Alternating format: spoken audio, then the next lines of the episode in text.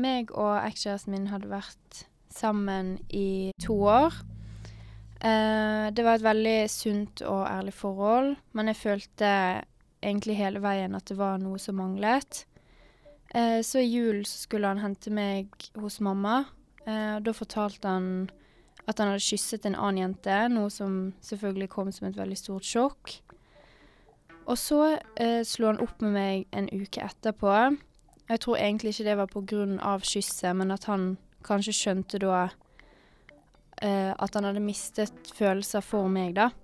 Når han først sa 'jeg tror jeg vil slå opp med deg', så ble jeg jo for det første skikkelig sur, og veldig sånn overrasket.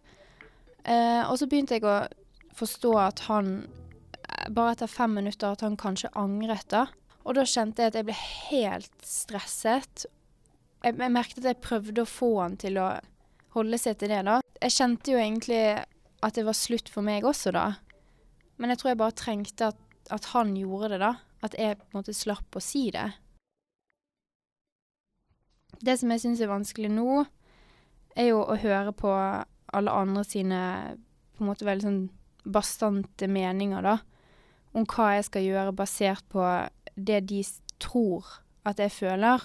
At de rundt meg føler at jeg burde vært mer lei meg, eller de tenker at, at jeg er veldig lei meg. Men så går jo det egentlig helt fint, og det virker som at mange er veldig overrasket over det, da.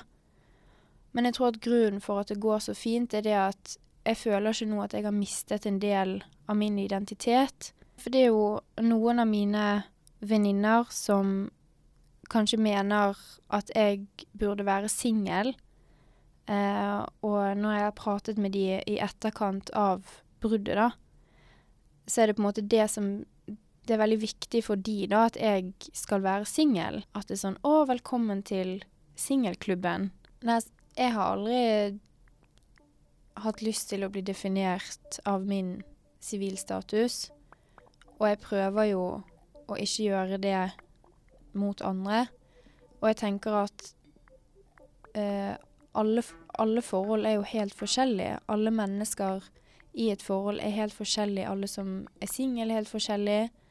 Men jeg har jo jeg har ikke lyst til å bli definert på bakgrunn av om jeg er i et forhold eller ikke. Og jeg har jo egentlig ikke lyst til at vennene mine som er single nå, skal tro at jeg på en måte skal bli en gøyere person fordi at jeg er singel. Fordi at det kommer Altså, det kommer jo ikke til å skje. Så um, Og også det viser jo også at da er det mange som tenker at når vennene sine får kjæreste, at de automatisk da blir kjedelige, da. Noe som heller ikke stemmer. Og jeg tror at de ikke helt forstår at det går an å finne seg sjøl, eller å, å, være et selvstendig menneske selv om man er i et forhold. Noe som jeg tenker Det har vært en av de viktigste tingene for meg som jeg har lært av mine egne måte, tidligere feil da, i dette forholdet, at det går helt fint an å jobbe med seg sjøl, sjøl om man er i et forhold, og man trenger ikke være sammen hver eneste dag. Man trenger ikke flytte inn sammen etter et halvt år, etter et år. Man kan helt fint være et individ selv om man har kjæreste, da. Så nå når jeg har fått på en måte veldig mye råd fra de rundt meg, så sitter jeg jo egentlig og tenker at eh, jeg er ganske uenig med alle, da. Spesielt en som sa at det tar ca. en tredjedel av forholdets varighet å komme seg over personen. Um, som, og da vil hun si Så det vil si at du ikke burde få noen nye significant others før etter sommerferien. Da blir jeg litt sånn men, men, hva vet du om når jeg Når jeg føler at jeg er klar for det? Så har jeg jo egentlig fått litt mer selvinnsikt og sett at oi, dette må Sånne typer råd må jeg slutte å gi.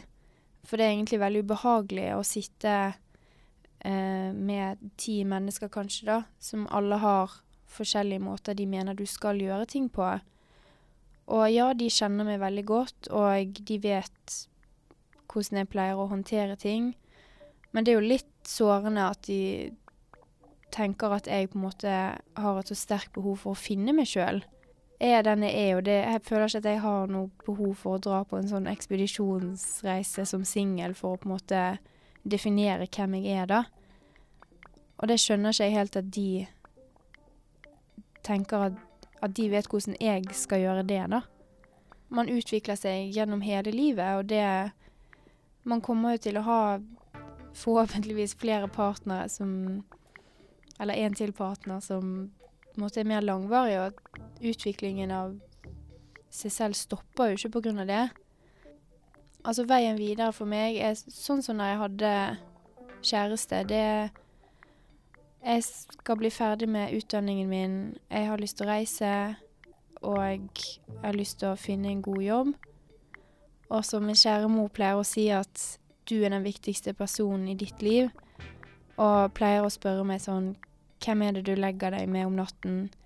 Hvem er det du står opp med? Nei, det er jo meg sjøl, det.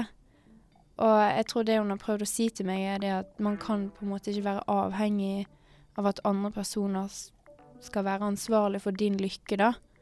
Og det har jeg alltid syntes har vært veldig viktig.